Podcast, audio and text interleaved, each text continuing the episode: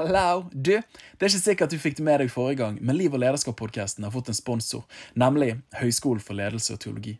Jeg har personlig studert der og gjennomførte min bachelor der for noen år siden. For meg så var det perfect timing. Jeg kjente på et kall til tjeneste, og HLT var med å gi meg mye av kompetansen jeg trengte for å klargjøre meg. Hvis du interesserer deg for felt som teologi, ledelse og samfunn, så sjekk ut deres nettside på holt.no, og du kan allerede slenge deg med på emner fra januar 2022. Oh yeah! Velkommen til Liv og lederskap med meg, Daniel Sæbjørnsen. Utrolig kult at du tapper inn og lytter. Podkasten der alt handler om å inspirere til sterke liv og store lederskap i Jesus etterfølgelse. Så gjør deg klar til å lytte og lære, så du kan leve og lede enda bedre. Du, Da er det en stor stas for meg å kunne få lov til å ønske velkommen til en ny episode med Liv og lederskap. Og denne gangen her så er det ingen ringere enn mannen, myten, legenden. Han som jeg husker sa en gang da jeg var på bibelskolesubstans The man with a plan is the man with the power. Eh, du skjønner kanskje hvem det er? Det er Jostein Krogdal. Welcome! Tusen, tusen takk. Veldig kjekt å være en del av dette. Det er utrolig gøy at vi fikk det til. Ja. Eh. Husker du det sitatet? Du har pleid å si det? Absolutely. Ja, du gjør det? Ja. Uh, the man with a plan is the man with the power. Ja. Det er en. Og så on time is too late. Og så er det et ja, et ja, et nei, et nei. Det er noen ting av de type slogans som har en, um, en, en dypere forståelse for meg i min menighetsbygging og, og livsbygging. Ja. ja, Nydelig. Vi kommer til å lodde inn på de tingene der eh, om ikke lenge, vil jeg tro. Eh, men litt grann for å få en liten innledning. Mange i Kristen-Norge kjenner Jostein fra mange tiår tilbake igjen. Eh, og, eh, men kanskje mine liksom, lutherske venner, eh, som er ganske mange, kanskje ikke dere har liksom, en helt feeling på hvem er Jostein. Så vi må ha en liten intro. Hvor, hvor gammel eller ung, du kan velge hva du foretrekker. Er du, og hvor er du født, hvor er du oppvokst, osv. Um, jeg er um, Jostein Krogedal og er sønn av Else. Jeg er veldig takknemlig for Else. Min far er død. Um, men jeg er 59 år gammel. Eller unge. Alt etter sånn. Alt. Jeg skal leve til jeg er 120, så det er bare I, I'm gonna stick around for a while. Bare bli vant. Uh, Brit og meg eh, har vært gift i 38 år. Vi har det privilegiet av å ha Karoline og Christer. Christer er mm, 33, og Karoline er 31. Eh, Begge er gifte og har sine barn. Bor litt i forskjellige plasser. Men eh, 59 år og har vært gjennom eh, type livsfase. Jeg kan bare ta en Ja, sånn type livsfase. Når jeg var 20 år, så gi- så gifta vi oss. Det, det gjør jo en god kristen bror. Han gifter seg en veldig ung. 20 år. Jeg var 23, så jeg henger litt Ja, du er litt på jeg baksida der. Eh, reiste til Mexico City når vi var 30 Mhm. eh, for å teste ut egentlig kall og hensikt med livet og sånt. Og bodde der i, eh, i, syv, i syv måneder i Mexico City, den gangen verdens største by. Og så tilbake igjen og drev business eh, i ti år til. Og så, eh, når vi var 40, så gjorde jeg en stream makeover med hele livet og hele, hele verditenkningen av det som har med familie å gjøre. Og da starta vi opp uh, ei kirke som den gangen heter Intro. Eh, vi hadde en sånn to års inkubasjonstid fra vi gikk fra det har vi lyst til å gjøre, til det at det var et faktum. Ja. 2001 til 2003. Og så eh, holdt jeg på med det til nå i september i fjor. Da slutta vi i det som nå alle kjenner til Hillsong. da. Ja, ja. Det er fantastisk. Da er, så nå er liksom next chapter up for grabs. Det blir spennende. Exactly. Det blir spennende. Vi skal ta touche det òg etter hvert. Men utdannelse, har du noe, da? Ja, jeg, òg, kjære deg. Jeg har altså et halvt år på yrkesskolen, to netter på husmorskolen, og så eh, Det er en spøk. det Hva gjorde du på husmorskolen? er Spørsmålet da. Men uh, når jeg ble 40, så, så hadde jeg en motivasjon til å ta studiet. Ja. Og da begynte jeg på det som den gang var Misjonshøgskolen Stavanger. Og tok jeg eh, en, startet med en bachelor i religion og interkulturell kommunikasjon. For da var det dette med menighetsforvaltning og det å kunne forstå em, kommunikasjon mellom subkulturer. For jeg hadde lyst til å bygge ei kirke som ikke bare var for kristne, men som, som var designa så Så gangen fra andre subkulturer skulle være enkelt over til hjertet av samfunnsbygning, som er kirka. Ja. Så eh, da starta jeg der, og, og da var jeg så stor i kjeften at jeg eh, Nå skal jeg ta denne bacheloren på to år. Jeg skal vise disse her unge jyplinger og studentene at det her er noen som kan det. Og jeg greide det mest den! Jeg hadde bachelorpartiet før jeg tok eh, eksamen i X-FAC, og det skjønte jeg ingenting av. Altså vitenskapsteori. Ja, ja, ja.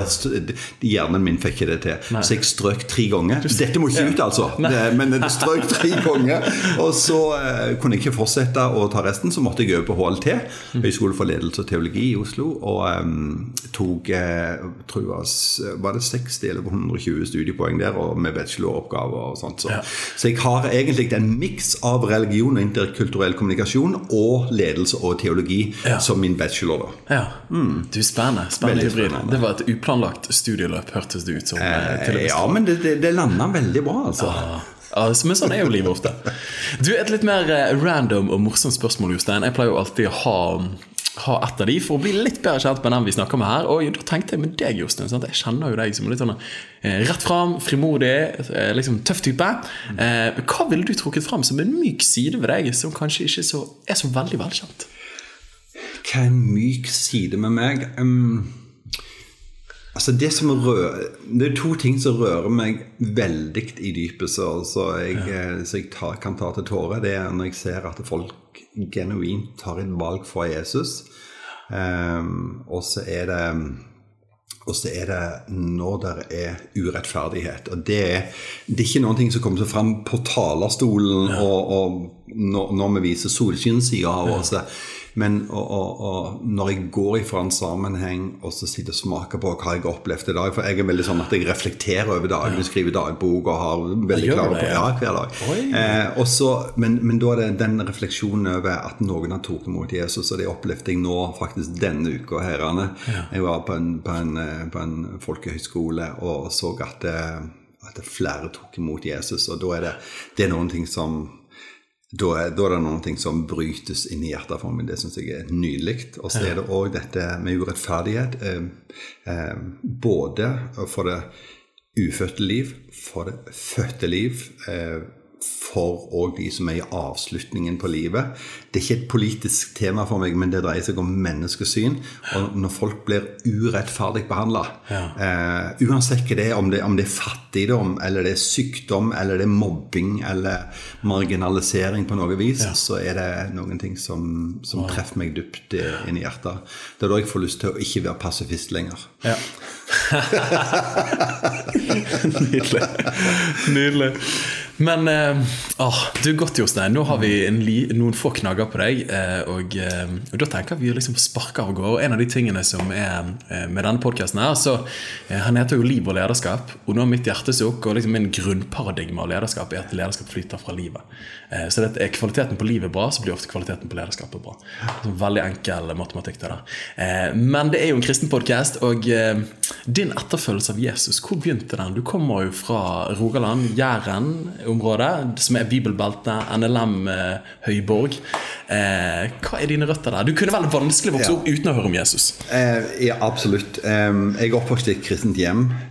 Em, men jeg syns det var veldig trangt. Jeg synes det, der, det der med å være kristen Jeg er oppvokst på bedehuset på Ebenezer på Gandal. Altså, det blir ikke mer kristent enn det. liksom, og eh, Mine besteforeldre var misjonærer, og på andre sida så var det emissærer. og det var, det var utrolig kristent. Eh, Så jeg syns det var trangt, jeg syns det var kjedelig. Så jeg eh, tok med meg sykkelen og sykla en tur på byen. Og det var, det var sånn som alle andre eh, norske ungdommer levde livet sitt. Eh, og fant glede i det. Men så Hvor gammel var du da? Ja, da ifra Altså for å si Det sånn, eh, det, det var nok en sånn glidende overgang fra når jeg var 15 år og ut gjennom, så, så jeg liksom sa, sa litt good, goodbye til den type livsstil. da. Jeg hadde jo en tro på Gud, men, men, men, men, livsstilen min brøt totalt med, med det kristne bildet av ja. hva det vil si og sånt. Um, og så kulminerte med at jeg ble frelst da jeg var 17,5 år. men Men min mor hun ble aldri komfortabel med at eh, sønnen hennes eh, ikke skulle ha et aktivt forhold til Jesus Kristus. Ja, vakkert. Så hun, hun fikk en liten melding på øra en fredag eh, om at um, um, han sønnen din eh, han, han skal bli frelst, og nå må du gå inn i bønn og faste. Og jeg fikk en sånn, liksom, sånn, sånn type indre stemme som, som snakket til henne om det. Så begynte hun å faste på fredag, eh, fredag middag. Um, og Hun bestemte seg for å faste til jeg ble, ble, frelst. Og det er jo ganske farlig, da, for hvis jeg ikke blir frelst da, men... Det var rett og slett en beslutning faste til du kommer gjennom? Ja. ja. Oh, wow. Så um, så i løpet av helga så eh, På søndagskvelden så inviterte hun meg med på møte. Og vi, nei, jeg skal ikke på møte, liksom. Men vi, vi ramla jo inn på møtet da, bak oss benk på Salem, på Gandal. Og, og det var der en litt sånn halvkarismatisk eh, type som, som var forkynner. Men i begynnelsen av møtet så, så reiser min far seg plutselig opp. Nei, eh, det var en lapp, bønnelapp ifra, fra en far da, som ba at sønnen måtte bli frelst. Så det der på det siste benk. Ja, takk for den, far, liksom, tenkte jeg med meg sjøl. Ja, liksom. ja. Og så plutselig så reiste mor mi opp, for hun trodde jo ikke at jeg var på, i møte. Så sier hun dere må be for gutten min så han må bli frelst, sier hun. Jeg bare stakk på døra jeg, og Ja. stakk av gårde. Eh, og det var sådd noen frø der, så jeg hadde det veldig vondt. Så dagen etterpå sto jeg med dreiebenken. Jeg er maskinmekaniker i bånn, så jeg holdt på med den greia der. Og så tenkte jeg altså Går det galt nå, altså? Så går det rett vest, altså. Og, og der og da, når klokka var halv tolv, så, så tok jeg eh, imot Jesus. Um, alene. Jeg visste jo ikke hvordan jeg skulle gjøre det. Liksom. Jeg, kan ikke gå til, jeg kan ikke gå til bestefar, jeg kan ikke gå til mor og far. Liksom. Hvordan, blir du, hvordan blir du en kristen, da? Så var det en, en lærer, en, en gammel lærer, så tenkte han er kristen, han kan jeg gå til. Så gikk jeg ut til han om kvelden, og så etter fem timer med sjakkspill, så skjønte han hvorfor jeg var der. Og så Fem timer! Ja, og, så, og da, da ba han for meg, og, eh, og jeg bøyde kne. Og, og jeg hadde jo ikke peiling på noen ting annet enn at det bare var en ekstrem glede inni hjertet wow. mitt. Og det som er litt artig, som tilhører historien, da, det er at eh, mor mi hun fikk en beskjed av Den hellige ånd midt på dagen på mandag at nå kan du bare begynne å spise. for nå Nei, er det frelst. Så dette her liksom, det bare skjedde altså, helt sånn uavhengig av hverandre. Det, Som ja. ja, det var helt utrolig, altså. Så fra den dagen der så, så har jeg eh, vært en en aktiv kristen i forhold til at jeg tror det er en Gud, og jeg tror at Gud følger med oss, og at han ønsker oss noen ting godt. og Det har vært på en måte grunntonen i livet mitt. Det har gått sånn varierende i intensitet, og, og, og sånt, men formbart resten av livet. Yes. Du har fulgt Kristus siden. Absolutt. Ja. Men eh, vokste du opp i altså Din mor og eh, bakgrunnen du nevnte bedehuset, men vokste du opp på en måte i NLM? Eller? Ja, det var NLM. Ja, absolutt. Så din mor var en bedehusdame? Ja, både mor og far. Mm, Ja. Veldig. Men så herlig å høre fra Den hellige ånd og alle de tingene. Så hun var jo en karismatiker òg, da? Ja, Uten å vite det, kanskje? Ja, uten at jeg, jeg tror ikke vi brukte de ordene den gangen, og, og sånt, men, altså, men, men mor var nok eh, mor, Både mor og far var veldig åpen for, for det som hadde med Gud og ledelse av Den hellige ånd, og, og, og, og gjøre de tingene som, som behager Gud. Så, så det var en sånn liten melding der, og det er utrolig stilig. Ja, Altså. det er sterkt å høre. altså. Og veien fra å ta et standpunkt om å følge Jesus til å kjenne et kall til tjeneste, eh, hvordan, hva er noe av konjunkturene langs den reisen der? Ja, det, det der med å følge Jesus altså, er, Når du er oppvokst på et bedehus, så ble jo misjon eh, synonymt med å flytte til et annet land. Ja. Aller helst til Asia eller Afrika. da Eh, og er det noen ting jeg ikke ville, så var det å flytte til Afrika og bli misjonær. For det hadde jeg sett min morfar, og ikke tale om jeg ville det. Og derfor at det, når, når du kjente den der dragningen altså vi snakker om det å følge Jesus, eh, som er synonymt med å flytte til, til et annet kontinent, så hadde jeg skikkelig problemer med det. Altså, jeg greide ikke, På den tida så sang vi 'Jesus Herre, jeg følg meg'. Jeg sang aldri den sangen. For, for den, den, den bekjennelsen vil jeg ikke sverge til. Ja, Altså. For du var ikke klar for Afrika? Nei, nei. Hvis han kalte det så, Men når jeg, når jeg traff Brit, da, så, så jeg, bare etter noen måneder vi hadde vært sammen, så, så hadde vi vært på et misjonsmøte på pinsemenigheten Klippen i Sandnes. Og så, da var det liksom, liksom Ja, kanskje du, min venn, har et kall. Sant? Vel, Jeg, ble helt, jeg ble helt opprørt i mitt indre. Reiste hjem og, og, og snakket ikke med henne. Altså, jeg var så urolig. Så treftes vi dagen etterpå. Og så tok jeg opp det, vi må snakke om livets hensikt, og hvis det skal være meg og deg, liksom, hvordan skal vi leve dette livet Ja, til. Jesus? Så da? Og så sier Brit det, det er jo ganske enkelt det. Det er jo bare å følge Jesus, og hvis ikke du vil gå der han vil, så er det slutt her og nå, sier Er jeg. sånn? Ja. Amen! Come on, girl! Digger det. Og jeg, etter, etter, etter ti minutts bønn og faste, sant vel, så fant jo jeg ut at eh, Ok, let's do this. Ja. Og da, for da, da, da ble det Da ble vi iallfall to om det. Eh, og for den gangen Vi visste aldri hva vi skulle gjøre med livet. Ja. Men vi hadde den overgivelsen til den første kjærligheten, til å bare leve med Jesus og, og gå den veien han ville. Å, vakkert, altså. Og dere har jo blitt tatt noen spennende reiser eh, siden den tid. Den har tatt oss rundt kloden, den der, altså. Ja, han har det. Å, fantastisk. Jeg husker når jeg og min kjære ble sammen 13. juni 2013, så husker jeg vår første bekjennelse var 'Jesus, du er Herre'. Det var jo det de første kristne sa. Men, men er, Jesus er Herre. Og eh, da følger vi han der han går, da. Men det er, det er veldig inspirerende når det funker, og så er det ganske utfordrende når det ikke funker. Og iallfall før du bestemmer deg for at Jesus skal være herre. Ja. For at du ikke bare bruker Jesus som en livsforsikring, men at du bruker han som en Ok, jeg dør for meg sjøl, og jeg følger deg. Ja. Nei, men helt sant, altså. Men det er jo først når man taper livet, at man vinner livet. Exactly. Eh, for å sitere en annen kjent type. Men eh, Jostein, eh, når jeg tenker på deg, så tenker jeg på lederskap. Og eh, det er jo kanskje ikke uten grunn. Eh, Du har jo formulert noen, eh, noen bøker i denne retningen her. Husker òg at jeg hørte deg tale en gang. Så sa du at eh, et eller annet i den gaten elever for å trene ledere og plante kirker. Eh, stemmer det? Er det Det er er formuleringen? Ja, det er som å tatt rett ifra Facebook-profilen min. Er det det? Ja. Ja.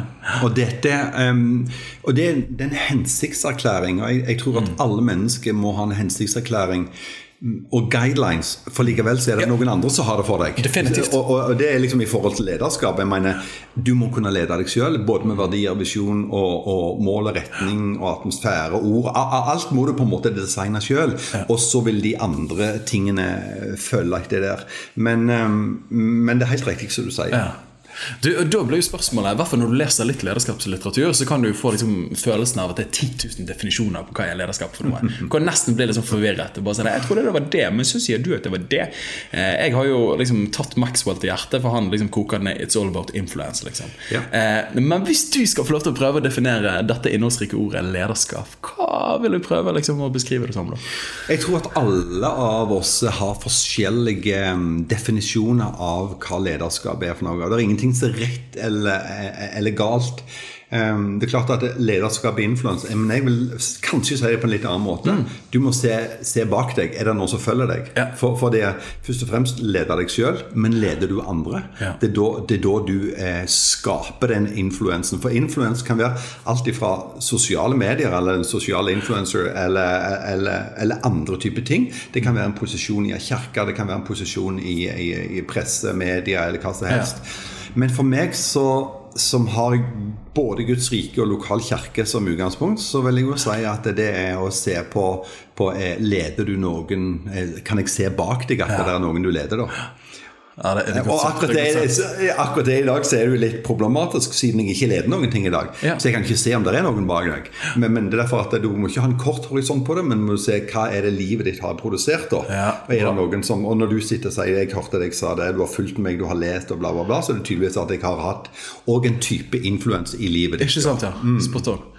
Så, men gir det, gir det da mening å kanskje kunne snakke om på en måte formell innflytelse og uformell Nei, innflytelse? exactly. Og, og det er jo klart, er, er du en lønna stilling på en plattform eller mm, i, en eller annen formell tilknytning, så har du har jo innflytelse uansett. I kraft av stillingen din. I kraft av stillingen din. Men det som er nydelig, da, det er når du ikke har en, Mm. en, en stilling, og at du bare lever et liv som er attraktivt for andre. da. Jeg glemmer aldri når jeg var i business og hadde med kunder til Belgia. og eh, Jeg var alltid, jeg, jeg, jeg drakk aldri en dråpe med alkohol, og, og jeg var den som fikk de siste til å komme hjem fra puben på kvelden. Og, og jeg husker de hang rundt armene på meg, og så var det eh, en som sa det at Du, Jostein, jeg har lyst til å ha det livet som du har. Eh, og så rett etterpå så fikk jeg jo lede en av de til Jesus som, som slutta, slutta eh, med den jobben han holdt på, og starta med å bygge team og ungdom og, og den type ting. Og det, det er noen ting av det der. Altså, for influence det er mye mer enn å bare bringe over en teori. Ja. Og jeg tenker at det, det, dybden av lederskap, det, det, er impartation. Altså at du gir over verdier, ånd eh, Ikke ånd i den forstand, altså, men the spirit eh, som du har, over til andre. Så det ikke blir bare det, ja, det er Maxwell, og det er han, og det er hun, og, og, og disse tingene her. Men det er den, der, den overgivelsen av livet. Det er mest som, som en far som overgir noen ting av det som er trosgrunnlaget, livsgrunnlaget, over til sine barn. da. Ja, ja. Og det, det, er en li, litt, det sånn, det er litt Det sånn dypere ting, da. Ja, men, men dette er spennende. Det, altså, nå, nå beveger jeg meg litt utenfor manus med en gang, men nå begynte du å touche noe spennende her. Eh, men i kristne sammenhenger de siste årene så har man gjerne snakket om åndelige fedre. Og Paulus sier 1. Korinterne 4,15 sier dere kan ha 10 000 veiledere, men dere har ikke mange fedre. Det er jeg som Exactly. fødte dere. På en måte Eller kanskje min observasjon, det har vært spennende å høre dine tanker om det, men inn mot kristen sammenheng så kan man av og til få følelsen av at man har hatt en del ledere som sier 'kom og lær av meg', men fedre sier 'kom og lev med meg'. At det er en distinksjon mellom de tingene der. Og jeg tror personlig at vi trenger flere åndelige fedre og mødre. Altså, vil du bare dele noen tanker om de Ja, tingene absolutt. der? Ja, og det som Paulus snakker om her, det er betimelig. Det, det vil si at ta skriftstedet inn er en riktig ting å gjøre over tid. Når jeg reflekterer tilbake etter å ha Nå er det 20 år siden med mm, drømmen om en ny type kirke starta. Så begynner jeg Og når jeg nå har ett år siden jeg er ute av av, kaller det negativt bobler, da. Men, og da, og da liksom, Hva er det jeg tenker om meg sjøl etter disse åra som jeg har drevet? så starta jeg nok, vi starta nok med at um, jeg ikke ville være en pastor, men jeg ville være en far. Britt og meg skulle være en åndelig mor og far for de som skulle være pastorer. For vi starta med ti stykker, og liksom, de hadde vi lyst til å sette opp til å få fram det som Gud hadde lagt i deres hjerte. Eh, og Vi kjørte faktisk det ett år, og så så vi at det, det går jo ikke. Jeg må steppe opp og, og ta den lederrollen som, som pastor er. Altså, du hadde ikke intensjon til å begynne med å være liksom the point leader, Nei. men å bare elske fram de andre. Exactly, ja. Og det er jo derfor ja, Jeg kan komme litt tilbake til det. Men, men fars og mors hjerte Ja. til Kristus-etterfølgere er avgjørende i å dyrke fram neste generasjons ledere. Fordi at det, informasjon, det er akkurat som du sier, lederskap. Eh, Bare søk på lederskap eller leadership. Altså, det, det er hundretusenvis av bøker og og one-liners, Jeg gikk gjennom et dokument i går liksom, der jeg har 500 one-liners jeg brukte på Twitter i mine tidligere dager. som alle er bra. Men en one-liner bygger ikke et menneske. Men når du sitter og veileder un- unge mennesker, eh, ber i sammen med dem, deler livet, reiser i sammen med dem, eh, da, den, da er det den impartasjonen. Åh, men dette er bra, Jostein. Ja, men, men, men, jeg blir gira. Prekas. Dette trenger vi. Ja, men, men det er derfor Paulus sier at dere har tusenvis av, de, av, av folk med mikrofonen. For det er jo det han sier med lærere. Dere har tusenvis av de med mikrofon. Du kan laste ned podkaster, du kan høre på det beste av det beste alle veier. Men hvem er det som er der når ekteskapet suger? Hvem er det som når du, når du, når du havner i seng med feil folk, liksom, når du på en måte får den der liksom, I messed it up, there is no tur- returning point. At det er en far som kan bare plukke ja. meg opp der. Og jeg tror at det, den, den Min refleksjon av disse årene da, det er at det har vært for mye vært for mye monolog og undervisning med mikrofon istedenfor det har vært en dialog. For i dialogen, og det er jo noen ting av min tese altså Hvis du leser bok nummer to som jeg har med kaffekultur og kommunikasjon, så er det alt starter med en kaffe. Det starter med en relasjon. Og jeg husker en en av pastorene i, i, i intro den gangen sa det at eh, alt, eh, alt består av relasjoner, resten er detaljer. Og, der det, ja, og det, det syns jeg er veldig interessant, for at det, i, i det med, så har vi disippelgjøring å gjøre. Så jeg mener at det, til mitt, til, når jeg reflekterer omkring mitt eget lederskap, så har jeg vært for lite fokusert på eh, disippelskap i forhold til eh, tall og vekst. Eh, Jeg sier ikke du, du Vi må ha fokus på tall og vekst, for det er en del av å bevege mennesket mot et mål. Men hvis du glemmer disippelgjøring, så glemmer du òg veksten til det folk, og da kan du få en forbrukskultur i forhold til det å ha etterfølgere i livet. Wow. Det vil si at det, du, du, du er bare nyttig så lenge så at du bringer noen ting. Men med en gang du krever noen ting, så detter du av fordi at the show must go on. Ikke sant, ja. Ja, og det, det er liksom den der dobbeltheten her. Men, men den vanskelig å balansere, vil jeg tro. Altså, ikke Ja. bare middel for et mål. Men når du da begynner å plante, så begynner man gjerne med et farshjerte og på en måte er til stede der. Men idet du begynner å se vekst, så begynner du å nærme deg visjon. Og det er jo parallell. Altså, dette er jo mekanismer man kjenner fra eget liv. Sant? Og da er det lett for at man firer litt på verdiene som man egentlig er overbevist om, kanskje uten at man merker det. Men på en måte, hvordan bevare i det spennet der? Ja, det er godt det, for jeg tror jeg har vært inne i faser der jeg ikke har greit um, gjøre det på en god måte. Ja. Eh, og da kan jeg se tilbake på at eh, hvis du er i periode der du er veldig trøtt, eh, der du kanskje er stressa, kan være det ytre og kanskje indre press, Ja, ja. Da, da, da detter de tingene ned, for de er ikke produktive nok. Nettopp. Fordi at det å investere i andre mennesker, det gir ikke deg sjøl en, en benefit, da. Eh, og derfor at det, det detter ned, men det må gå fram. Og da tenker jeg at eh, det å ha det å ha både skrevne eh, hensiktserklæringer, skrevne verdier Ja. eh, Det er ikke nok å skrive dem, men òg å evaluere dem. Ja, bra. bra. Og, da, og, og, og det krever faktisk at du evaluerer dem og setter av tid til å evaluere. Det er derfor at når jeg nå gjør daglig refleksjon, så er det for hele tida å prøve å reflektere. Hvor er jeg? Ja. Eh, hva er det som skjer rundt meg? Hva er det som skjer i ekteskapet? Hva er det som skjer i økonomien min? Disse reflek refleksjonene som burde være ongoing hele tida. Men tilbake igjen, det er at eh, hvis du er stressa, ytre og indre, mye press, så detter de tingene der ja, litt, litt ned, for de er ikke produktive. Det, det er et eh, visdomsord. altså Da er det godt å være gift. Da Eh, Da kan man forhåpentligvis få korreksjon. De merker jo det fort hvis ikke du er helt landet og til stede. Og hvis Kristuslikheten svinner hen og skjødet kommer fram, så. Hører man det fort gjerne. Du, eh, vi må, du nevnte boken din 'Kaffe, kultur og kommunikasjon'. Jeg leste den med stor glede for noen år tilbake. Å, så bra. Eh, og eh, jeg bare lurte på, Har du lyst til å knekke opp hva du ligger i disse ordene? Du Ja, det touchet kan det så vidt, men dette er jo kanskje noe av ditt primærparadigme når det kommer til lederskap. Eh, Jeg skulle, eh. Tittelen er litt misvisende i forhold til lederskapstenkningen min, det, men det var rett og slett mm, Kaffe, kultur og konfrontasjon. Det var egentlig det boka skulle het hett. Og ikke kommunikasjon. Nei. Ja. Men pga. visse ting i media på det tidspunktet vi, vi lanserte boka, så var det dårlig kommunikasjon å bruke konfrontasjon. Og da kan man tenke tilbake, de som husker. Um, jeg har ingen kommentar til det. Men min, min tenkning omkring det å være en leder er disse tre ordene. Eh, som alle, For meg er alle positive, men tatt ut av kontekst så kan de bli negative. Men la meg bare ganske kort kjøre gjennom. Kaffe eh, dreier seg om akkurat det som jeg og deg gjør nå. Det er en relasjonsbyggende samtale. Eh, når vi, til og med de som ikke drikker kaffe, det sier 'skal vi ta en kopp kaffe'? Fordi at det er et begrep om å bygge relasjon, treffes, snakke, dele livet, eller ta opp en kvalitetssamtale i en eller annen form. Men det dreier seg om et, en uformell samtale som i utgangspunktet er relasjonsbyggende. Og dette er attraktivt for alle mennesker.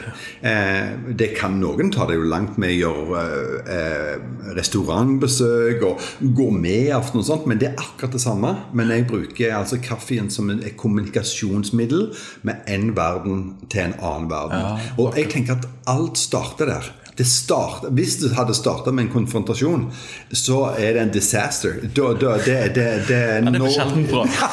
sånn. men hvis du, har, hvis, du har, hvis du har kaffe, god relasjon, mye relasjon eh, Og derfor er, er det òg utfordrende, fordi at du kan ikke bare ha litt relasjon. Eh, du kan ha litt relasjon med mange, det har vi alle sammen. Men de som er core, de som du skal gjøre ting sammen med, de som du eventuelt har avklarte roller og forventninger i forhold til innflytelse og den type ting, da må du ha mye relasjon. For da, det, er som, det er som olje i maskineriet. Så det er det, er det en konto som må fylles på stadig, eller Absolutt. kan du sjekke av, liksom? Eh, Ja, du kan si det akkurat som for oss som har det privilegiet å være gifte, da, eller ha barn. Eh, Du må stadig fylle opp denne kontoen her.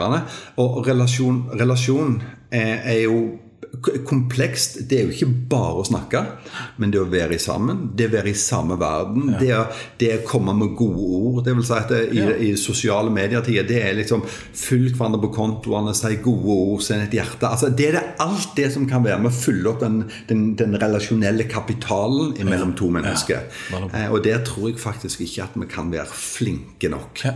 Eh, og jeg, eh, I dag så har jeg sittet med, med, med mitt barnebarn på fem måneder og sett henne inn i øynene bare for å si 'Hei, jeg er bestefaren din'. Se henne inn i øynene, liksom, for det er sjelens speil. Og det er, det er starten på en, på en relasjon mellom to mennesker. Derfor er det kjempeviktig. Nummer to så er det kultur. Kaffekultur. Kultur er det som ei gruppe mennesker eh, opplever som er rett i vår verden. Ja. Eh, og det er derfor at eh, hvis, hvis du har flere mennesker som ikke har avklart hva type kultur du skal ha når du skal legge ut på en reise, mm. så har du investert i et problem. Fordi at du må være enige om hva du er enige om i det du holder på med. Og en, for en evaluering den kan aldri foregå hvis du ikke har lagt en beskrivelse. Og derfor er det Kultur er ganske, ganske artig, fordi at det, enten kan du designe det, eller så er det noen andre som gjør det. Enten så gjør du det, eller så noen andre som gjør det. Kultur blir det uansett. Noen, spesielt i Oslo, sier det at, det- at det er bare Oslo som har kultur. Det er bare tull. Og så er det noen andre igjen som sier at det er norsk kultur. Det er ingenting som er norsk kultur. Noen tror at det er appelsin og, og, og en sjokolade, melkesjokolade eller noe sånt. Det er bare tull. Det er ingen, men det er Norge består av subkulturer. Og det er derfor at det, alle disse subkulturene har sitt eget språk, sine egne verdier, sin egen samhandling. Ja. Eh, og òg en opplevelse av hva som er rett eller galt hos oss. Derfor enten så designer du det, eller så noen andre som gjør det. Derfor, for å forandre en etablert forsamling eh, som går ut over å forandre kulturen eh, det er veldig sjeldent at det går. Hvis du, skal, hvis du skal gjøre det, så må du bruke 20 år på det. Jeg hørte si Peter Wagner sa forrige uke eller nå er han død, men leste av han, han sa at det er enklere for barn enn å vekke opp døde. Jo, men det er, ja, exactly. Og det er derfor at det, når vi starta en ny kirke, så var det ikke fordi at vi mener at alle gamle kirker er ubrukelige, men det var for at nå kunne vi designe noen ting som hadde et annet mål enn de andre kirkene. For hvis du forandrer en, en, en, en, en gammel kirke, så er det det samme som å be om splittelse, uro og konflikt. Eh, men hvis at du bare lar ting få lov til å være i fred, så kan det få lov til å leve sitt liv. På, og det kan godt være en organisk måte der det er små, små, små forandringer som passer den gruppa mennesker. Men skal du gjøre noen ting som ikke er gjort før, så kan du ikke gjøre det i noen ting er etablert. Du må ut av systemet fordi du må designe en ny kultur. Ja.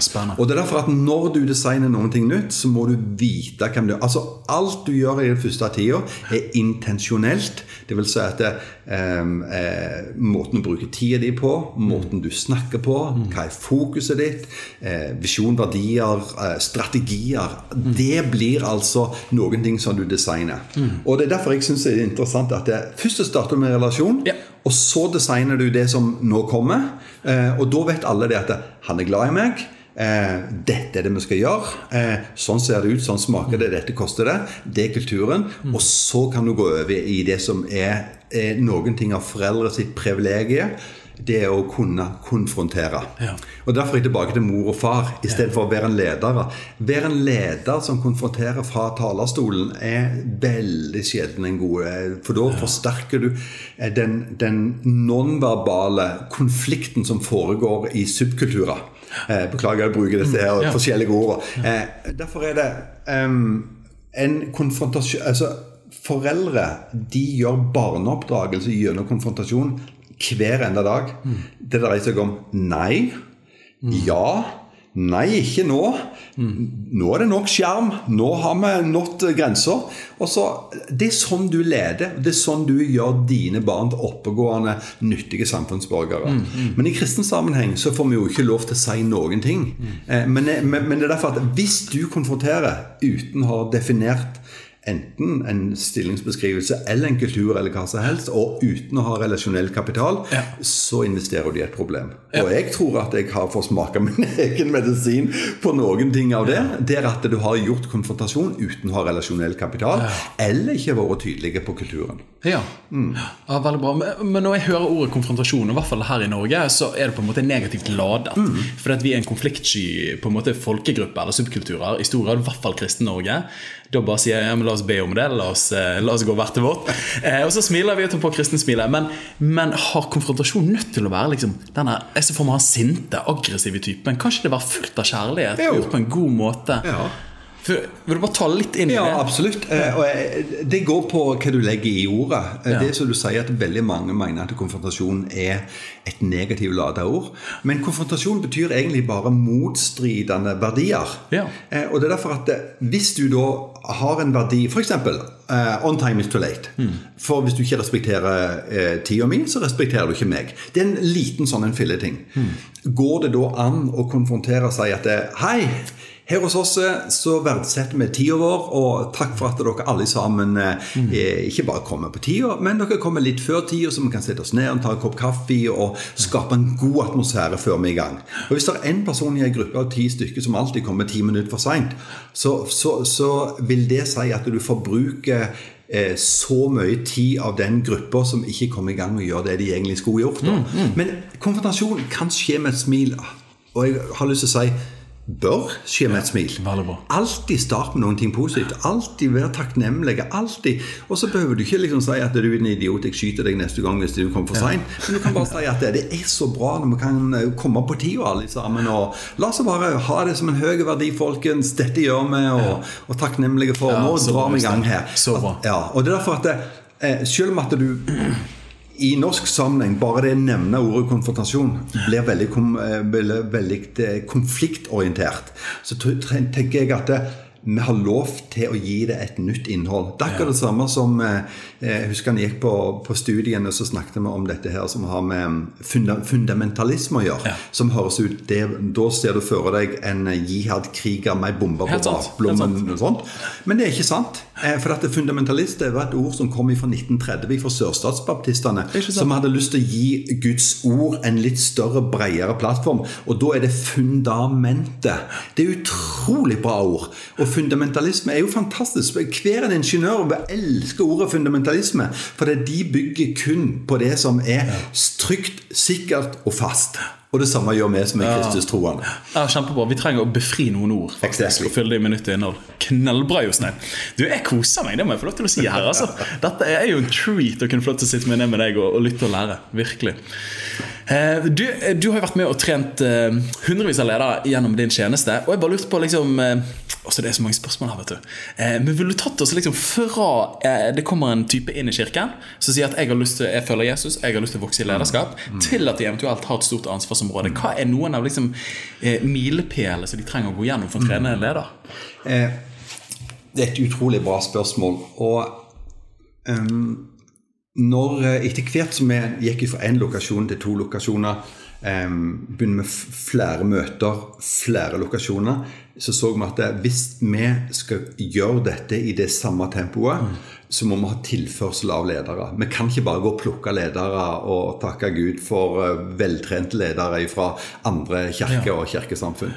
Eh, og da kom den ideen der opp akkurat som du sier, Ja. fra parkeringsplassen til å være en lokasjonspastor. Det er liksom så, sånn i mitt hode.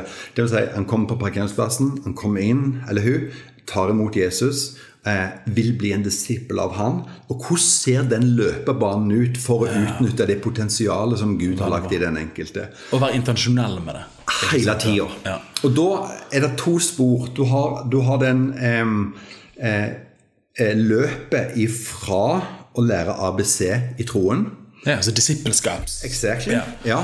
Eh, og det, det, det, har, det har vi prøvd på ganske mange ting.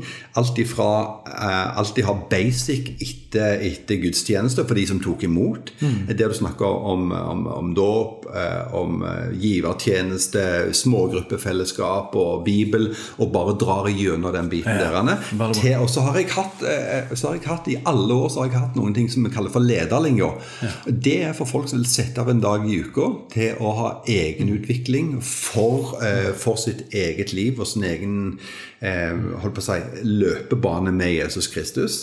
Eh, det, det, i utgangspunktet så starta vi med litt forkunnskaper, men etter hvert så ga vi opp forkunnskapen og bare sa at har du lyst, så, så bare bli med i miljøet. Ja, og det hadde vi i jeg tror vi hadde i to lokasjoner så hadde vi, hadde vi det hver onsdag. og vi, vi hadde synergier på det der. Og det dreier seg alt fra lede seg sjøl til eh, en del teologi og en del liksom, hvordan kan jeg være med og bygge Guds rike og, og bygge den lokale forsamlingen. Em, så ønsket vi òg å ha utvikling og samarbeid med sånn som HLT, for Ja. de som ville gå dypere på teologi. Um, og så hadde vi eh, dette med bibelskole. Vi hadde bibelskole i Mm. Stavanger for de som ville gå over på fulltid. Og det var ideen òg at vi skulle gjøre både i Oslo og i Stavanger. Så du skulle ha to bibelskoler? Absolutt. Ja, Eh, ja i alle fall to. ja, Hadde ikke dere noe i Drammen en gang i tiden? Vi hadde aldri bibelskole der. Det- ok, det, var, det var det var lokasjon. Jeg bare en Lev bibelskole, eller? hva Jo, det, har- jo, det het stemmer det. Ja. Sånn, jeg bare minner deg på din egen organisasjon. De frie venner, eller noe sånt. Jo, vi samarbeidet med Frie Venner for å få det. Det hadde jeg helt glemt opp. her, Anne. Den hadde vi vel, Var det to eller tre år vi kjørte den?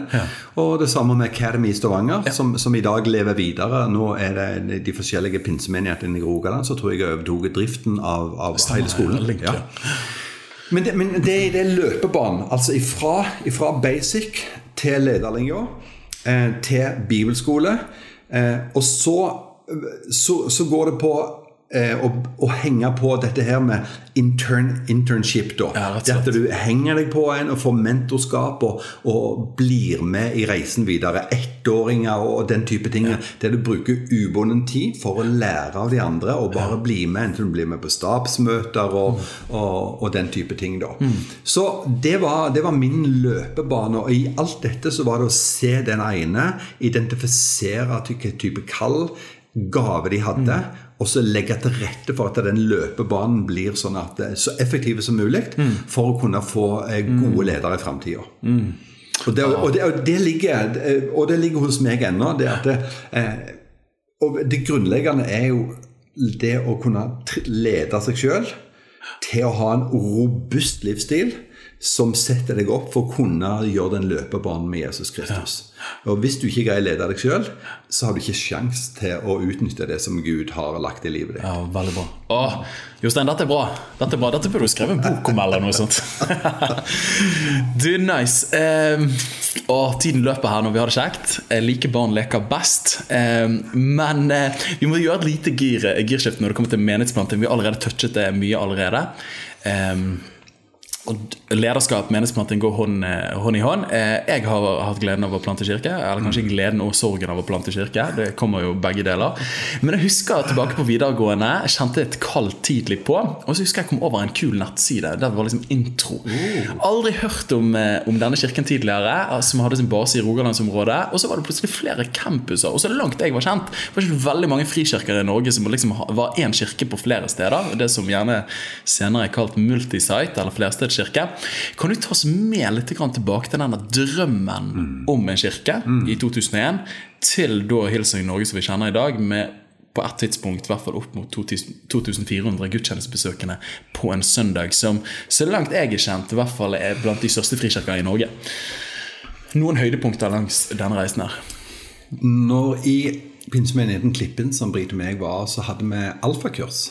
I alfakurs så så vi at det, folk var utrolig åpne for Gud og Den hellige ånd. og Folk ble frelst og fylt med ånden. og Det, det, det, var- det mangla liksom ingenting. store utfordringen var å integrere dem i den lokale forsamlingen. For da får du, eh, du får kulturkrasj. Ja. Vår respons på det var kan vi starte en ny kirke i byen for å ta vare på disse folka. Eh, og da var ikke menigheten Jeg ville òg ha, en- også ha en pionerskole for pionerer til menighetsplanting i Vest-Europa. Så det ble kanskje litt mye. Eh, og menigheten sa at ah, jeg tror ikke vi skal gjøre det. Og jeg, jeg forstår det, og jeg respekterte det. Og da, da gikk vi ut av pinsemenigheten Klippen. Ja. Så gikk jeg over sånn et vakuum, og vi lurte på skulle vi flytte til Oslo, skulle vi bo i Stavanger, bla, bla, bla. Så var det litt sånn frem og tilbake. Så landa vi ned på at eh, vi starter en ny kirke og stiller ett spørsmål. Hvordan ser den kirka ut som de som ikke er vant til å gå til gudstjeneste eller kristen kultur, vil synes det er attraktivt å gå til? Så det var ett spørsmål. Vi var ti stykker, og vi brukte ett år på bare å snakke om eh, kultur, språk, mål, midler, bygninger. Eh, alt i sammen. til bare, sånn at vi sjøl fikk det der innunder huden. Så vi av avkristne oss for å ikle oss Kristus. Altså at, at det blir den der Tok av kristenkulturen. Ja. Og at det blir liksom Hvordan ville Jesus Hvordan hadde han oppført seg? Hvordan hadde vi gjort det? Forhold til alt fra penger og alkohol og alle disse tingene her, så, som er ganske vanskelige i utgangspunktet. Ja, ja. Så, så starta vi en gudstjeneste hjemme i stua hos oss, Jerveien 247 i Sandnes. Um, og det, det, det booma. Og, og den, den gangen så hadde vi med oss folk som ikke hadde et veldig for aktivt forhold til kristen tro, som evaluerte oss. Ja, du hadde det? Ja, ja, ja. Eh, både talen og, og vi, vi snakket om penger og alle disse tingene, så hadde vi sånn evaluering stadig vekk liksom, om, om hvordan dette her eh, ble forstått, og, og var det konfronterende, og bla, bla, bla. Det var utrolig spennende. Det gjorde vi et halvt år. Og så gikk vi opp eh, 17. august i 2003, så hadde vi vår første gudstjeneste hotellresidens. Eh, og da gikk vi fra 40 til 23 den første søndagen. Halvparten av de var familie som ville støtte dette. Ja, her. det er fint. Det er fint. Det er, fint. Det er godt. Det er ikke sånne American stories der liksom First Lounge No. Service 500. Nei, det er definitivt ikke sånt. Og, og det du snakker om og krevende, det er utrolig emosjonelt krevende å gjøre noen ting sånn som dette, der at du føler du ikke lykkes. Og Ja. Første gudstjeneste har jeg ikke lyst til å snakke om i helt. Og helt en disaster. Jeg var en disaster. Alt var en disaster. Ja, uansett så, så, så dro vi ut på denne veien. og etter hvert så lagde vi en, en tiårs målsetning der at vi skulle være i fem byer og ha en fulltidsgudstjeneste, nei, fulltids bibelskole i løpet av ti år. Mm. Wow. Det var målsetningen. Wow. Ganske ambisiøst når du Ja, ser rundt deg. ja, ja. Men vi sa det ikke, vi sa det ikke utad, men eh, vi hadde det i, hadde det hjertet og, og sånt. Og når vi hadde 17 Vi hadde jeg tror det var 19. august eh, Nei, ja, 19. august i um, 2013. Så var, da var bibelskolen vår en måned gammel, eh, og vi var i fem byer. Ja, Så vi, vi nådde målsetningen akkurat. Ja. Eh, og da var det fem.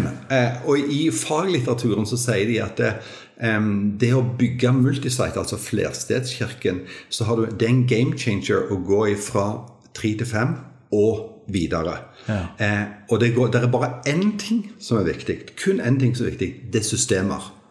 Og er det noen ting kristne karismatikere ikke er flinke på, så er det systemer. For at vi vil være leder av ånden. Ja, Eh, Og det er nesten som Systemene blir som beinbygningen i et menneske. Og hvis du ikke har beinbygning, så greier du heller ikke bære noen ting. Du greier ikke produsere noen ting, for, det, um, for det er ikke struktur, det er ikke hold i det. Ja. Så, så da gikk vi inn i en ganske spennende og krevende fase som dreier seg på strukturering. Du går fra pionerfasen til struktur, strukturfasen. Eh, og så eh, den samme drivet, den samme visjonen, den bare ekspanderte. Og så gikk vi fra fem til ti. Og på det første, største så var vi jo på Oslo, Drammen, Tønsberg, Kristiansand, Egersund, Sandnes, Stavanger, eh, Ålesund og Trondheim. Og hva glemte jeg? Karmøy? Karmøy. Det er helt riktig. Ja. Så det var de ti plassene som var eh, Og eh, jeg, jeg tror nok det, jeg tror ikke vi var flinke nok til å strukturere det. Ja. Og jeg tror det er frustrerende for en lokasjonspastor òg å håndtere så mye struktur, systemer, eh, som kreves for å holde så mye folk sammen. Ja. Og når du er på toppen, så hvis du går fra 10 stykker til 2450 på det, jeg tror det var på 16 år, eh, og vi var oppe i 26 millioner i omsetning. Så hele greiene ble så stort. Og vi, vi hadde aldri vært der før, vi visste ikke hvordan det var. Nei. Og det er klart at det, dette krever, det krever veldig mye Ja. å gjøre så store forandringer. Definitivt. Men jeg tror det går an hvis du er intensjonelle. Eh, Nå, nå har ikke jeg, eh, nå har ikke jeg eh, noe ansvar eh, i forhold til intro og Hillsong videre, og jeg håper at det skal gå kjempebra for de. Men jeg tror det er en game changer når du går ifra noen ting som er lite håndterbart på én plass, til fem plasser og til ti plasser. Ikke sant, ja. Ja, så er derfor eh, det krever masse lederskap, masse struktur, og så må du òg tenke som en, som en organisasjon, Ja. ikke bare som en kirke. Helt sant, ja. Eh, og det vil si at du må ha HR, du må ha, eh, du må ha alle disse funksjonene på plass. Nå er oppe i 32 ansatte på det meste. ikke sant, ja. Wow. Du, altså, dette er jo et spørsmål som jeg òg har lyst til å stille deg, som, eh, som jeg både som jeg har tenkt litt på i det siste. Nå har jeg hatt gleden av å lese gjennom pinsebevegelsen sin 50-årige historie. Der i 1916 Barrat ser lyset og lander på den pinsemenighetsordningen med den lokale kirke med et autonomt eldsteråd. Og så har man ulike former for å organisere menighetsbevegelser. Du har jo type nettverkskirker der vi er forpliktet til en felles core values. Type liksom Winyard-bevegelsen. Det er ikke et hierarki på den måten. Men likevel planter og reproduserer seg osv. Og så har man mer liksom sentraliserte bevegelser à la Hilsong osv. Og, så og så har du den lokale kirke, som pinsebevegelsen i Norge er kanskje et prakteksempel på. Um, har du noen refleksjoner? Trenger vi alle typene? Er det en type som er bedre? Og så videre. Hva tenker du der? Nei, jeg tror eh, Jeg tror definitivt ikke at det er bare én måte som er riktig. Ja. Det som Barrat gjorde i 1907 og videre, det, det, det var en refleksjon av sånn som både samfunnet fungerte, og sånn som så hans lederskap som en apostel for pinsebevegelsen i Norge ja. var. Derfor jeg tror at det, det dreier, det, um, Vindfaktorene her er hva type leder er du, mm. og har du? Og det andre er hva visjon har du? Jeg, når jeg snakker med Leo Bigger, som, mm. er, som i dag er lokalisert i Zürich mm. Men han har altså 83 menigheter som han leder i den tysktalende verden eh, i dag. Og, og derfor, når og Magnus Persson, Leo Bigger og meg vi starta på omtrent samme tida. Ja. Eh, og Magnus har eh, i dag valgt å, å, gå over i den lutherske verden og er, er, er prest. Ja. Eh, og Han er fortsatt en kjempegod venn av meg. Jeg har kjempegodt forhold til Magnus. Eh, og jeg har òg tatt opp relasjonen med Leo Bigger, for han er en av de mest innovative lederne som vi har i vår tid. Og derfor at Når vi snakker om det som har med multisite å gjøre, så, så, kan vi se det er både svakhet og styrke med det. Eh, men til mer form formalistisk det til, en, til mer strukturerte og, og, og tydelig lederskap trenger du. Ja. Eh, når du gjør sånn som Leo gjør, som gjør det veldig løst, sånn som ja. intro var til å begynne med, det var veldig løst, eh, så, så stramte jo vi grepet, for vi gikk inn mot Hillsong, og det er litt mer sånn eh, Det er, eh, eh det er ei kirke i mange byer, det er ett lederskap, det er én kultur og, det, og, og sånn. Ja. Og så kan du gjøre det mer løst, sånn som så, så Leo gjorde, som jeg tror passer, jeg tror passer Europa bedre. Ja, tror du det? Ja, ja jeg tror ja. iallfall sosialdemokrater som, som på en måte har en viss motstand mot ting som er stort. Over 250 så kjemper vi imot det. Altså, ja. det, det, er bare en sånn ubevisst holdning som vi har mot store. Hvis noen får veldig mye makt, så, så, så må, Da må vi ta det ned. Ja, ja. må ta det ned. Nå må de begrense seg her òg.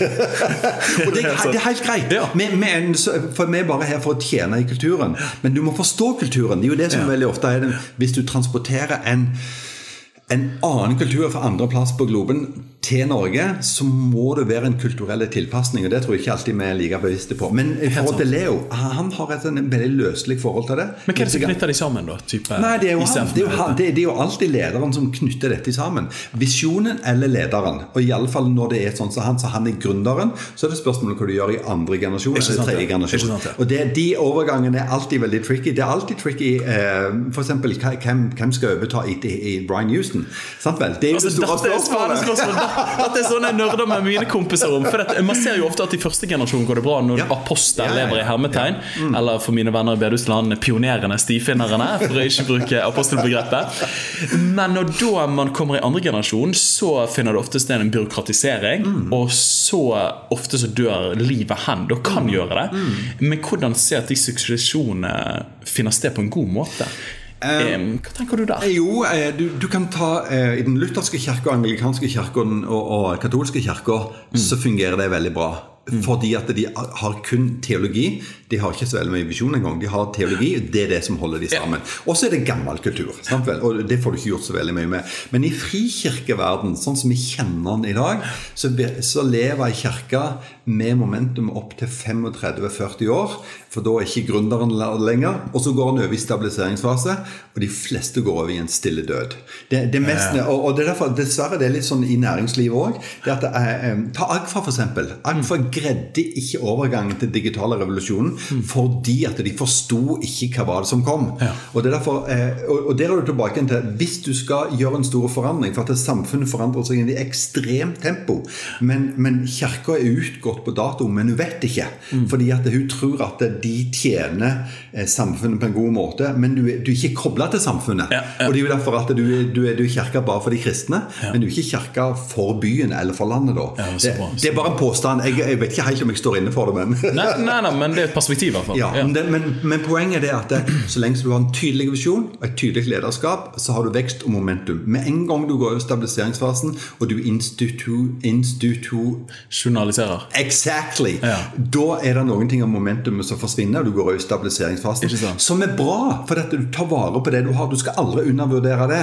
Men i forhold til det er en entreprenør, en apostel og en stifinner, eller hva du vil Den å, ta- å, å ta en stigende kurve igjen, den, eh, den er krevende. Ja, for dette, åh, dette er spennende. Mm. Med Alan Hirsch han snakker en del om dette her inn mot de framfoldige tjenestegavene som man leser om i Feserbrevet. Og så Hans tese er vel at kristendom eller Christendom har verdsatt eh, læreren og hyrden som er innovervendt, mens type profeten, evangelisten, men særlig da apostel, som er den nytenkende, som ødelegger ekvilibrium eller likevekten hele tiden fordi man vil framover, den tjenesten har i stor grad blitt kastrert, eh, for å bruke et sterkt ord, og så har de endt opp i næringslivet istedenfor. Eh, tror du at det er noe av løsningen? At type når da Barrattene dør, som har pionert en bevegelse, så trenger vi òg å gi rom til neste generasjon av barrater som på en måte former en ny visjon. Eh, I Norge lederskapslitteratur eh, så sier de at eh, det, når du skal starte noen ting, så må du starte med, med 'successor in mind'. Det vil si at du, det er viktigere med hvem som skal ta overta deg, enn hva visjonen din er. Ha. Eh, og dette er noen som ingenting Ingen av oss gjør det. Det er ingen av oss som Og i beste fall så finner du en de siste årene som du har en og, og i norsk sammenheng så kan man kanskje si at i Imi-kirka har greit det på en glimrende måte. Eh, der Martin Cave har brukt kanskje ti år på Egil Elling, som, som gjør en overgang ifra, ifra der han sjøl var hands on lederskap, til å være sånn senior leadership i dag, og, og, og fase seg stadig ut av, av, av greia da.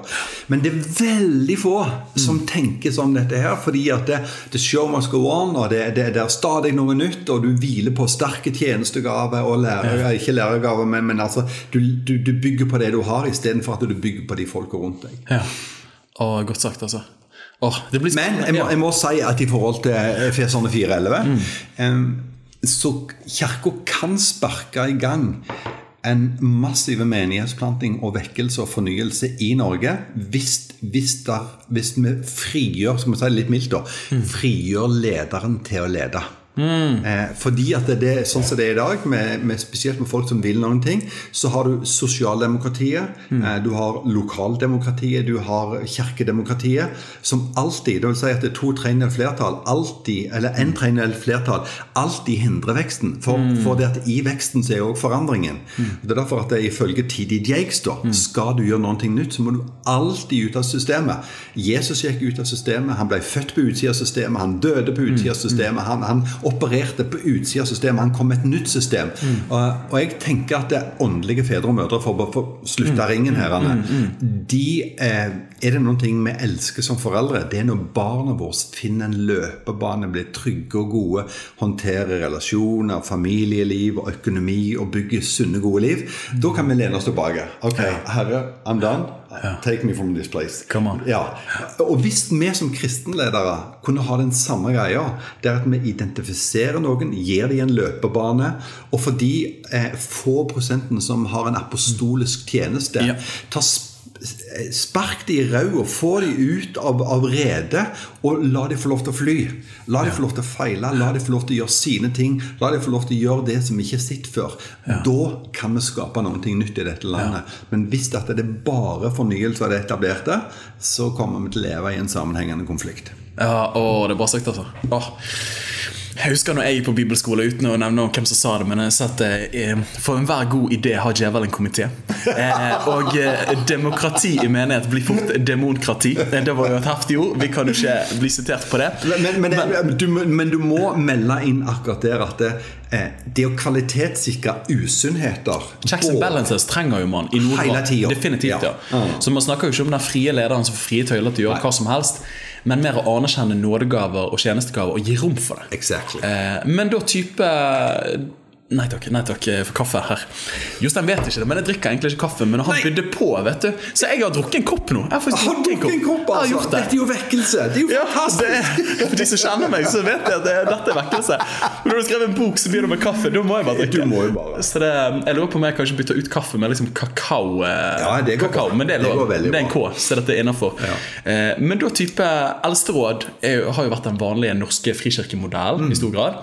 Der man på en måte er er paradigmet man beveger seg ut ifra. Og man ser styrkene ved det. Gjerne stabiliseringen, og man menigheter kan leve gjennom flere generasjoner For dette det på en måte går ulike verv osv.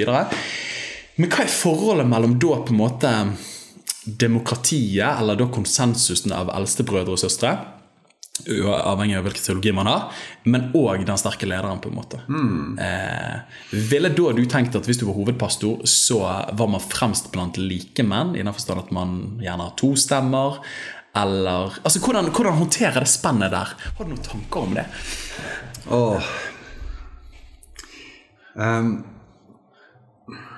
jeg, vet at, ehm, jeg vet ikke om at de tankene er verdt å legge ut på en podkast, men, eh, men jeg, jeg har et kapittel om, om det i, i min siste bok, da, 'Kaffe, kultur og kommunikasjon', der at jeg, jeg snakker om at ledere må få lov til å lede. Um, hvis ikke ledere får lov til å lede, så stopper det jo opp. Da har du ingen framdrift. Men, men jeg, har skrevet, jeg har akkurat skrevet et dokument nå der um, i, i, post korona. Eh, hvordan, hvordan kan en leder lede i post korona? Men like så viktig er hvordan kan en, eh, hvordan kan en mm, eh, Ta f.eks. en eldstebror, da. Ja. Eller en, en teammedlem, eller en, en som tjener på en eller annen måte. Hvordan er, det, hvordan er vår innstilling til de som, som, som leder? På samme måten som de som ledes innstilling til de som de leder de da. Så det er den dynamikken der. Jeg, jeg tror det jeg tror det er farlig å forenkle dette, for det, det er enormt komplekst. Og du rører med lokal kultur som jeg tror vi skal være forsiktige med å stigmatisere. Men jeg tror jeg ville sagt at eh, det grunnleggende som må ledere få lov til å lede. Ja. Eh, men så kan godt et, et eldsteråd i en tradisjonell sammenheng eller mm, et lederråd være med og heller se på eh, konsekvensanalyse. Være med og se på hvordan kan vi gi det energi, hvordan kan vi bringe mer folk, hvordan kan vi bringe styrke til det. Ja, kvalitetssikre det. For eksempel. Men, òg å gi det kraft og styrke. Sånn at det, lederen har som regel veldig ofte veldig begrensa bilde av hva de vil for noe. De har mer en sånn passion at det, og vi har lyst til å starte en ny plass, eller vi har lyst til å gjøre det. Vi har, dette har vi ikke gjort ennå. Og heller si ok, jeg forstår at lederen min ønsker å gjøre litt. Hvordan kan jeg edde energi, eh, visdom, eh, ekspertise, sånn at det er det som han nå eller hun vil, at det kommer til å skje. Åh. Ja, men det, det var et godt ord. Ja, for, fordi, fordi at det, veldig ofte så skaper vi, når du sier det, at liksom ehm, eh, At det ikke er demokrati, men det er demonkrati. Eh, så demoniserer vi det, om vi skape skaper disse her usunne pluss og minus. For det er mye vakkert med demokrati. Mye bra, men, men det er òg nedsida av det. Så det, så det er For meg så har jeg blitt mye mer ydmyk på å se styrkene i ting som jeg tidligere var veldig imot. Ja, men, men det er jo kanskje dette som er noe beskrivende for livet i helhet òg. Men altså, det er jo komplekst. Men det er mye vakkert i det komplekse òg, da. Så da blir jo det hvordan kan man veie de ulike paradigmene rett, sånn at det blir mest fruktbart. Ja. Det var veldig mange fremmedord akkurat der. Men, eh, men styrkene av eh, et fellesskap som holder ansvarlig, men òg styrkene til en leder som får lov til å lede. Ja. Underordne hverandre i gudsfrykter. Exactly. Eh, mm. Og så er det enorm forskjell på noen ting som er etablert, og på noen ting som er nytt. Ja, helt sant. Ok, eh, Siste liksom spørsmålet inn mot church eh, og de tingene der.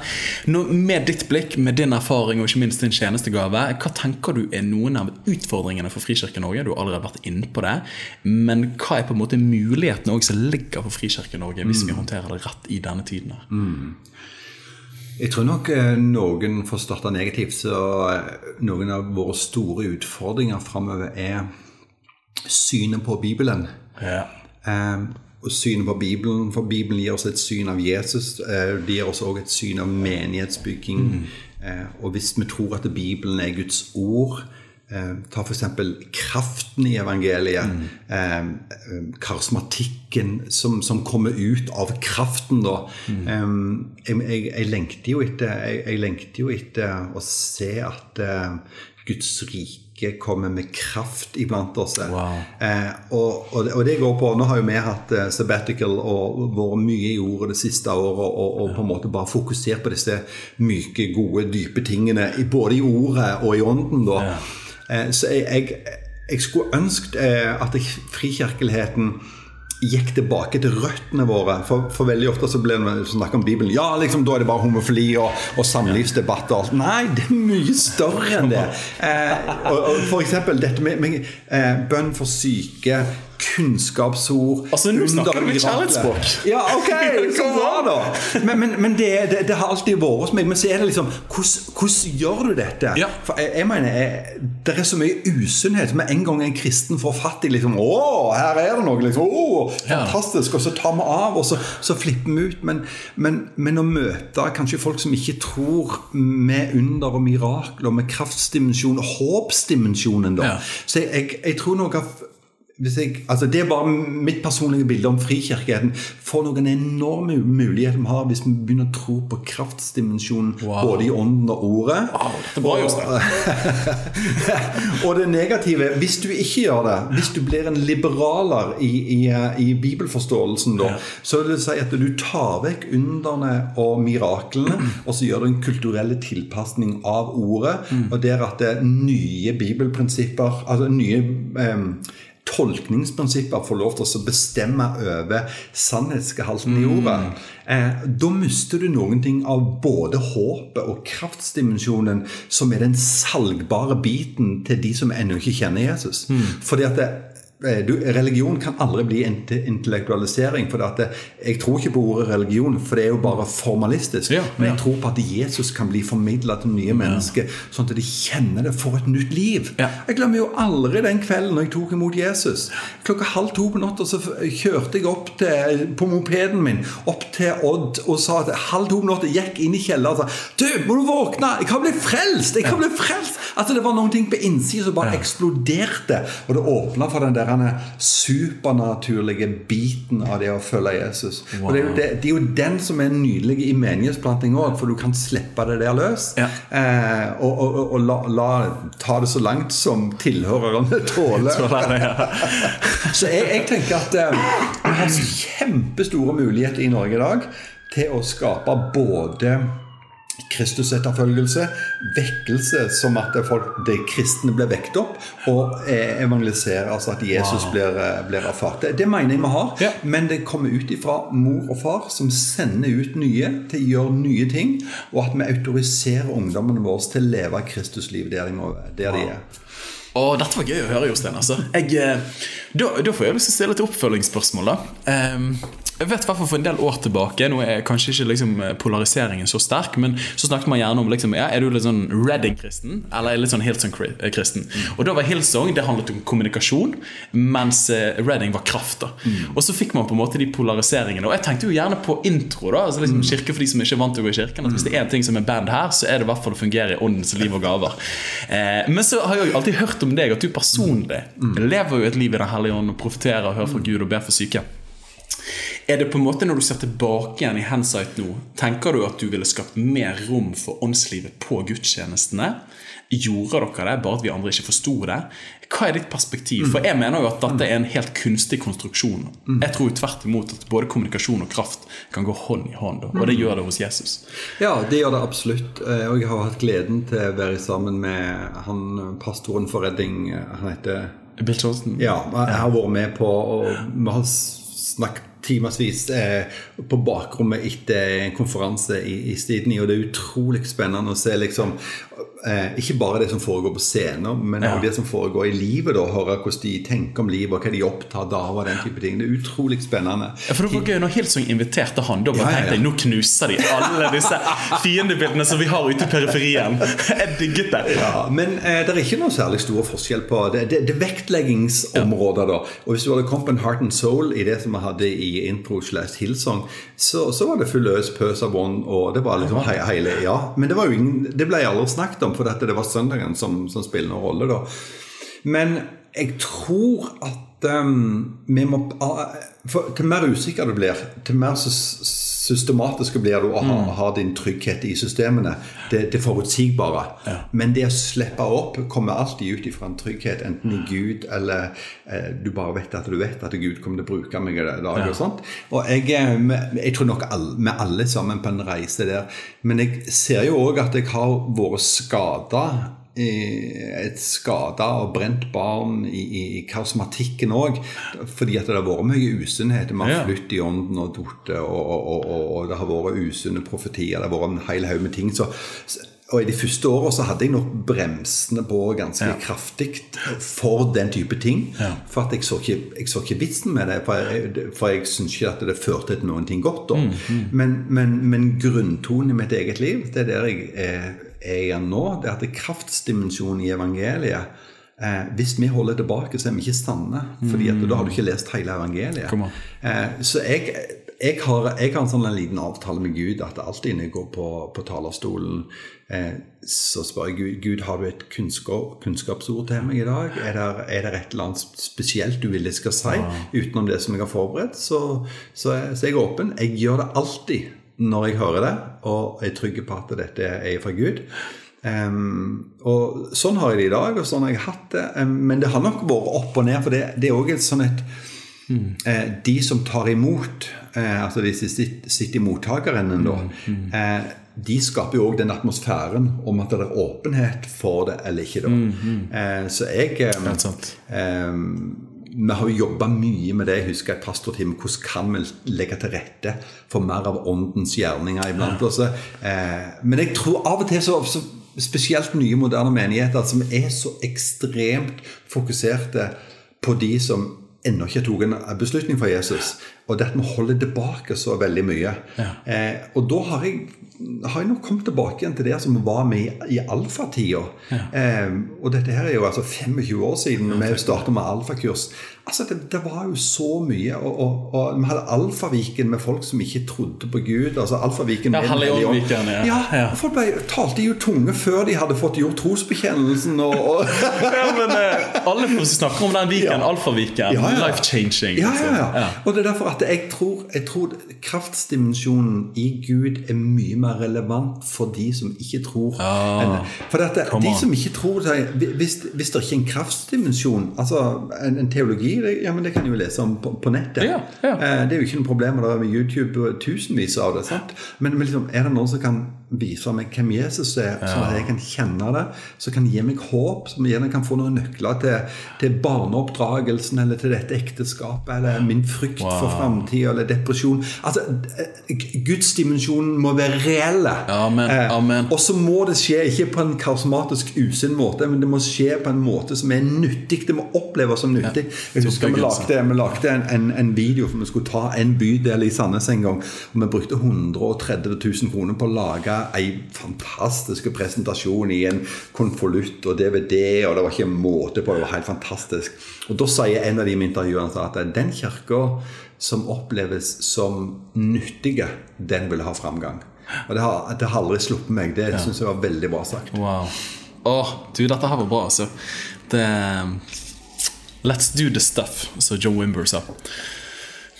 På en folkelig og god måte. Du, eh, dette her har vært en aldeles treat, Jostein. Altså, det, det, er jo faktisk duket for eh, flere episoder, langt flere episoder eh, sammen. Så vi håper at vi får det til i framtiden. Eh, tipper at responsen kommer til å være veldig god på dette. Jeg pleier alltid å stille et avsluttende spørsmål. Hva vil være ditt fremste råd til lytterne for å hjelpe dem til sterkere liv og da større lederskap i etterfølgelsen av Jesus?